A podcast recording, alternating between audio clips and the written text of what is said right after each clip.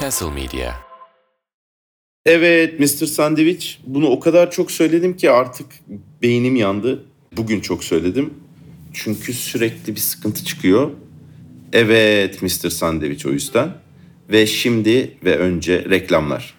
Bu şimdi ve önce reklamlar kısmında kendi reklamımı yapıyorum. Çünkü henüz reklam alamadım ama bir noktada reklam alabilirim diye yapıyorum. Yoksa burada bir takım yani mesela reklam yapabilirim yani bir reklam vermeden dert değil. Mesela yeni hanım eller fındıklı çok güzel olmuş. Eski fındıklıdaki bir takım böyle bir hep azıcık bayat mı gibi olan hissi yeni fındıklı üzerine de yeni yazarak artık onu değiştirdik diye öyle bir şey yapmışlar ki neredeyse yeni fındıklı benim için Ülker çok adamlı hanım elleri tokatlamış durumda. Fakat burada bir komplo teorim var. Yani benim Çoko Damla'dan yıllardır vazgeçmediğimi düşündüğüm için Çoko Damla'nın kendisini bozmuş olduğunu düşünüyorum. Hatta bu noktada yeni fındıklı yeni fındıklı olmayabilir. Sadece Çoko Damla'yı onun altına çekerek fındıklının üste çıkmasını sağlamış olabilirler. Bunları bilmiyorum açıkçası. O yüzden de ama yeni fındıklı güzel yani. Böyle bir şeyim olsun. Şimdi asıl kendi reklamımı yapayım. Sezonu açtım. 5 Eylül'deki Ankara şovuyla. Mükemmel bir şovdu. Gerçekten her şeyle mükemmel bir şovdu. Gelen insanlar çok iyiydi. Yeni yazdığım şeyleri deneme fırsatı buldum. Artı bir sürü de ganimetim oldu. Tarhanalarla, masal kitaplarıyla bilmem nelerle döndüm. Mükemmel bir şov açılışıydı. İstanbul'daki ilk şovumu da bu akşam 8 Eylül akşamı Tiyatro Ops'ta yapacağım. Ee, saat 9'da olacak. Herkesi beklerim. Kısmet Show da Ankara'da sezon açılışını yaptı. O da çok güzel bir şovdu. İstanbul'daki sezon açılışı da 9 Eylül akşamı Tiyatro Ops'ta olacak. Baya güzel bir kadro var. Ben Mustafa Sağır, İsmail Türküsev, Nilüfer Yüce de var. ilk defa çıkacak. İki de dev sürpriz konuğum var. Onlar sürpriz olsunlar. E, onları söylemeyeceğim ama devler yani. E, gelirseniz görürsünüz. 9 Eylül akşamı saat 21'de Tiyatro Ops'ta. Bazen öyle yani insan o kadar salak tercihler yapıyor ki o salak tercihlerin salak olduğunu da bilmiyor. Ufak bir tercih her şeyi değiştirebiliyor açıkçası. Ee, ben de mesela o gün köfteciye girdim. Normalde oturmam gereken yer belliydi. Bir tane masa var. O masa tam hakim masa. Sırtımı döndüğümde sağ tarafımda mutfak kalacak şekilde ve karşımda da her yeri görebileceğim şekilde. Ama ben oraya oturmadım. O gün oraya oturma modumda değildim. Oraya oturmak yerine solda köşede Süleyman Saim Tekcan'ın başka bir at resminin altına oturmayı tercih ettim. Hep bu film çekersem burada çekmek isterim bir sahnesini dediğim o köftecideyim. Işıklarının çok güzel olduğu ve bin senedir değişmeyen, hala değişmediği için de bana evimde hissettiren tek yer. Çünkü onun dışındaki her şey değiştiği için. Ee, ben de ne kadar değiştim bilmiyorum. Bana mesela böyle işte şey mi yazdın, yeni bir şey yazdın mı falan gibi şeyler çok soruyorlar. Değişti mi diye içerik. Benim aşırı gıcık olduğum bir şey çünkü hem hep sürekli değişiyor hem ben değişiyorum falan gibi şeyler söylemem gerekiyor. Ve işin salaklığı da bugünkü salaklığı ne salaklık yaptığımı bile bilmiyorum. Ama 40 dakikalık başka bir şey anlatmıştım aslında. Ve o yok şu anda.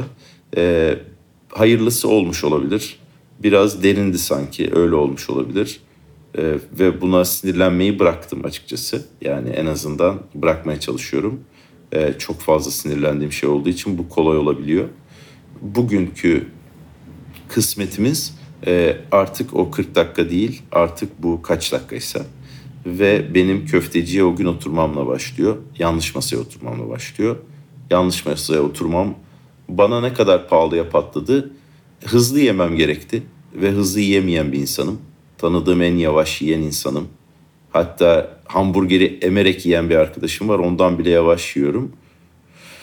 O gün hızlı yemem gerekecek bir yere oturdum. Ee, benim oturmam gereken yere oturan insanı da daha önceden gözlemlemiştim. Kim olduğu konusunda hiç fikrim yok ama o gün doğru tercih yapan oydu. Tam mutfağın tezgahının yanına, yanındaki masaya e, sırtı arkadaki tuvalete inen ve alt salona inen alt bir salon var. Yarım bir asma kat var. Bir de tersine asma kat var. Asıl katta ikisinin ortasında gibi duruyor. Adam arkasını o iki asma kata döndü. O iki asma kat daha alçak tavanlılar ve kalabalıksa orası ve bir arkadaşınız varsa o alçak tavanı fark etmeyecek. Orası da tercih edilebilecek bir yer aslında. Ama o akıllıca bir şey yaptı. Oraya oturdu ve o günde değişik bir gündü. Çünkü normalde çılgın atan bir yer o köfteci.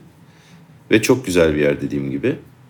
Duvarda o gravürlerin olduğu, ışıkların light box gibi oldu yani ampullerin bir ışığı birazcık kıran yarı opak kare şeylerle, e, parçalarla, e, plastik parçalar olduğunu düşünüyorum. Sanki böyle bu bir tane şey vardı ya Uygur kardeşlerin yarışmaları vardı ya böyle şeffaf şeyler üzerinde sayılara göre atlıyorsun, zıplıyorsun seksek gibi ama bazıları kırılabiliyor. Renkli sular var, ıslanıyorsun falan gibi bir şey vardı.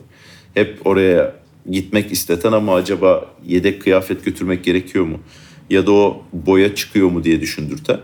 İnsanların da e, bir noktada hep bastıkları şeylerin kırılmasını istediğimiz. Onun tavanda olanı gibi düşünmek mümkün. Ya da bu Michael Jackson klibinde bastıkça yanan şeyin e, tavanda ve beyaz olduğunu düşünmek mümkün. Çok güzel yumuşak soft bir ışık. E, o ışığın altında yüksek tavanda mutfak tezgahının yanında. Mutfak tezgahı da aslında açık bir tezgah. Arkasında ızgara var. Izgara en az tezgahla bir yani tezgah kadar uzun bir ızgara. Tezgah devam ettikçe ızgara da devam ediyor. Ve sadece belden üstünü gördüğüm e, ama belden üstlerini çok iyi tanıdığım o insanlar arkasındalar. Önlerinde e, piştikçe gelen ve hızla tabaklara dağıtılan, servis edilen patates kızartmaları, biber turşuları, domatesler var.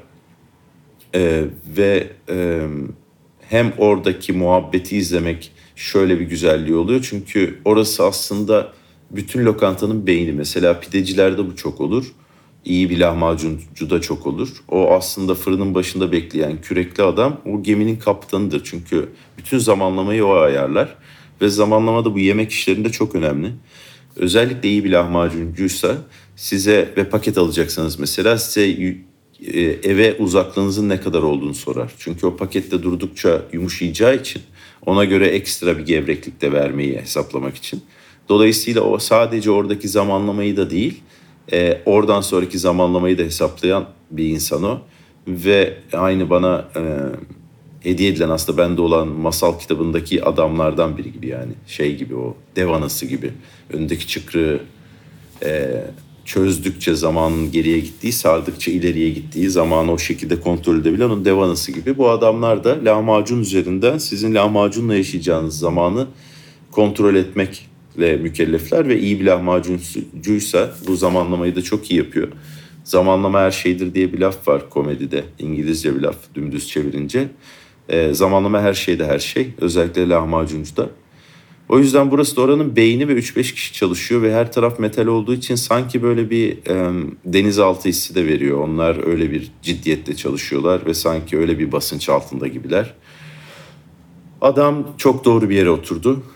Orası e, gözlemlemek için çok iyi bir yer. Çünkü hem dışarıdaki akan trafiği hem o akan trafikten e, sanki orası bir kapı açılınca o nehir, o su oraya da doluyormuş gibi o akan trafiğin dükkana getirdiği insanları verdikleri siparişi o siparişlerin ne sırayla çıktı. Çünkü şöyle bir şey de oluyor mesela siz birinden önce geldiğinizi zannediyorsunuz öyle olmayabiliyor ya da hakikaten önce gelmiş oluyorsunuz ve ona daha önce gidiyor siparişi. Bu insana bir şekilde kötü hissettiren ve insanı böyle oturduğu yerde kaynatan bir takım garip hareketler yaptıran biz onlardan önce oturmuştuk gibi bir an o siz de olabileceğiniz için önce siparişi gelen e, şey böyle bir sizi de zan altında bırakan bir şey. Dolayısıyla bütün oradaki kime ne yemek gitti? Aa o kaşarlı köfte mi söyledi? Hmm, onunki gitmedi. Acı sos oradan gelince ona gidecek gibi olan trafiğe hakim. Benim oturmam gereken yerde oturuyor. Ben de oturmamam gereken yerde oturuyorum. Sırtı asma katlara dönük. Yanında mutfak. Karşısında da kapı açıldı. Aslında boştu çünkü bir Ramazan günü olduğu için e, normalde çılgın atana köftecide o gün e, oruç tutmayanlar vardı ve tabii ki e, oruç tutmayanlar da ilginç bir ekip oluyor. Yani bir tutamayanlar oluyor net, bir tutmayanlar oluyor net. E, bir de genelde e, o insanlar orası da eski bir köfteci belki o raconu sevdikleri için belli bir racona da sahipler diye düşünüyorum. E, hepsi dışarıda oturmamayı tercih etmiş insanlar havanın sıcaklığına rağmen. Dolayısıyla e, ve daha boş köfteci ve bu insanlar da geliyorlar. İçeri çok yaşlı bir çift geldi. Adam neredeyse virgül gibi bir adam. E, yaşıyor kesinlikle hareket edebiliyor çok yavaş da olsa ama dışarısıyla hiçbir interaksiyonu yok. Sadece önüne bakıyor çünkü kamburunun devamında kafası o virgül gibi olan kısmı virgülün en ucu adamın kafası gibi o yuvarlak kısmını düşünün tam güzel bir harf karakteriyle düşünürseniz. Dolayısıyla neredeyse e, bir gözü yerde iki gözü de yerde ama hiçbir ayağı çukurda gibi. Çok yavaş da olsa sabit bir hızla hareket edebiliyor. Kel tamamen değil. Saçları dökülmüş ama ensesinde e, ve hala kafasının üstünde de bazı teller var. O teller sanki böyle bir ormanları birbirine bağlayan bu mantar muhabbetini belki biliyorsunuzdur. Mantarlar aslında o miselyum denilen o mantarları oluşturan böyle beyaz bir e, ağ var. Yani böyle bir nasıl söyleyebilirim bilmiyorum ama böyle uzatılıp çekilmiş bir takım şeyler, kurumuş köpükler gibi. Bazen toprağın altında görebilirsiniz nemli bir toprağa kaldırdığınızda ormanlık bölgeyse. O miselyum ağı aynı zamanda ormanın ağaçların birbiriyle iletişim kurmasını sağlayan ben kurudum abi beni kestileri falan da öğrenmelerini sağlayan bir ağ. E, ve e, o ağa benzer saçları var adamın. Yani kafasında başlıyor. Kafasının üzerinden birkaç tel gidiyorlar. Öne doğru uzuyorlar ve aşağı düşmek yerine gözlerini geçtikten hemen sonra ileri doğru kıvrılıp uz e, böyle uzayan duyargaçlar gibiler. Neredeyse adam e, gözü e, görse de e, hep aklında bir şey olduğu için gözlerinde onu görebiliyorsunuz. Yani bir şey gördüğün değil de aklında ne varsa onu. E, ve onun yerine yani görmek, önüme biri mi geldi falan mı oldu gibi şeyleri de o artık onu terk etmeyi reddetmiş. E, o saç parçaları, uzantıları yapıyormuş gibi. Onlar onun duyargaçları gibiler. Neredeyse adamla aynı yavaşlıkta hareket ediyor gibi hissediyorum. Ee, üstündeki şey adamın neredeyse her şey aynı tonun benzeri gibi. Temiz mi pis mi anlayamıyorum. Pise benzemiyor ama e, çok temiz de değil. E, ama adamın tercihi belli ki o. Fazla da bir kıyafet derdi olduğunu zannetmiyorum. E, çünkü evde yok. E, bunak değil bence, deli de değil. Belki hep otistik gibi bir şeydi onu da bilmiyorum. Belki bir özelliği zamanla ilerledi. Çünkü insanların yaşlandıkça yüzlerinde en çok o zamana kadar kullandıkları mimikler, e, ruh hali neyse, onun yol açtığı şey neyse ifade o ifade de yüzünde e, artık bir kurumsal kimlik gibi kalıyor. Neredeyse yaşlı bir insanın hayatla ilgili kararını yaşadığı hayatla ilgili. Mesela hayat boktan bir şeydir, hayat böyle bir şeydir, hayat güzel bir şeydir neyse. O kararı yüzünde görmeye yol açan bir şey oluyor. Bu İngilizce resting face diye bir ifade var yani dinlenen yüz ifadesi yani dinlenmek anlamında değil duran normal ifadeniz hiçbir şey yapmazken ki ifadenizden bahsediyorum. O ifade o zamana kadar yaşanılan o yüzden gelip geçen bütün ifadelerin bir ortalaması gibi oluyor. Adam ifadesiz bir yüz, yüze sahipti. Ee, ne üzgündü ne bilmem neydi. Hala e, oradaydı, present'tı. Ee, onu oraya getiren oldukça büyük bir çantası olan, o çantanı neredeyse bebek sahibi insanların taşıdığı çanta büyük. Hatta daha da büyük. Belki adamın da bebek benzeri ihtiyaçları olabiliyordur diye düşündürten. Bir kadın ya çantasından büyük alışveriş çantasıyla plaj çantası arası ama bir yandan da bir çanta. Ve güler yüzlü bir kadın ve adamın kolunda olan şey o. Adamı hareket ettiren şey o değil. Adam böyle uzayda hareket eden bir şeye benziyor. Böyle uzayda hareket etmek için hiçbir sürtünme olmadığından illa topuklamanız gerekmiyor. 0 yüze 2 saniyede çıkmanız gerekmiyor. Hatta uzayda çok uzun mesafeleri hızlı bir biçimde alabilmek için bile e, düşündükleri mekanizmalar çok yakıt yakmaması gerektiği için. Çünkü e, hiçliğe doğru gittiğinizden benzin istasyonu falan zor olabileceğinden o yakıtın sizi mümkün olduğu kadar götürmesi gerektiği için çok az şeyler yapan ve çok az bir şekilde de o taşıtı neyse itmesi gereken şeyi iten motorlar oluyor. Ee, işte güneş yelkenleri falan diye şeyler var konseptler. Ya da bir takım böyle mikrodalgayla çok ufak thrust diyorlar bunu itici güç oluşturan şeyler var. O itici güç hiçbir e, sürtünme olmadığı için bir noktada o itmesi gereken şey neyse onu gerçekten çok uzak hızlara ulaştırabiliyor. Bu bana hep şöyle komik gelmiştir. Sanki böyle bir, bir gün uzaya çıkmam gerekse ki bunun için uzayda sigara içilebiliyor olması lazım e, ve çakmağı unutsam e, o gemi gidene hızlanana kadar çok rahat hani kıyafeti giyip yüzerek uzayda ya da böyle bir şey açarak gidip çakma alıp tekrar gemiye yetişmek bir hafta falan mümkün olabilir. O hani uzaklaşana kadar el sallama hastalığı olanlar varsa ben onlardan biri olabiliyorum ansızın. E, o el sallama bir hafta sürebilir ya da ona göre bir şey yaparlar belki bilmiyorum. Bu adamın da öyle bir hızı var. Dolayısıyla kadın onu yönlendiren şey mi? O hızı ilk veren şey mi bilmiyorum. Ama güler yüzlü bir insan. Ve e, bu bana o ikisinin yaşadığı durumun bir e, standardı, kontrol altında olan bir şey olduğunu düşündürdü.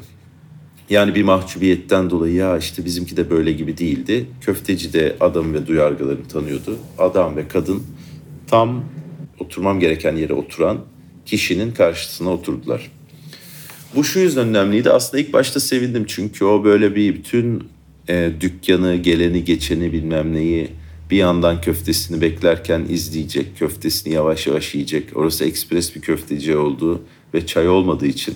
Çünkü herkesin yemeğini bitirince siktirip gitmesi gerektiği için. Çünkü sürekli insan geldiğinden. Sonra da çayını içemeyip siktirip gidecek diye düşünürken o çift önüne oturduğunda birazcık iştah kaçırıcı bir görüntü olabileceğini düşündüm. Ben onlara o kadar bakmak zorunda değildim. Benim uğraşmam gereken e, dört tane e, kalbur üstü bir mali durumları olduğunu düşündüğüm. E, bu yüzden de biraz sinirli olan, sağlam yiyen ve yüksek sesle konuşan üç tane kadın vardı. Üçlü meçli diyebileceğim. Hepsi meçliydi. E, benim asıl derdim oydu. O yüzden o çocuğun karşısında da e, bu sefer böyle bir hadi bakalım yemeğini yiyebilecek mi gibi bir izlenim uyandırdılar bende. Ve e, sadece kadının gülümsemesi ve o durumun onun etrafına yayılan o pozitif enerji diyeyim ya da aura ya da o baloncuğun e, sanki böyle bir ihtimali de yok etme ihtimali varmış gibiydi. Oturdular, yemeklerini söylediler. Onların soluna bir baba kız geldi.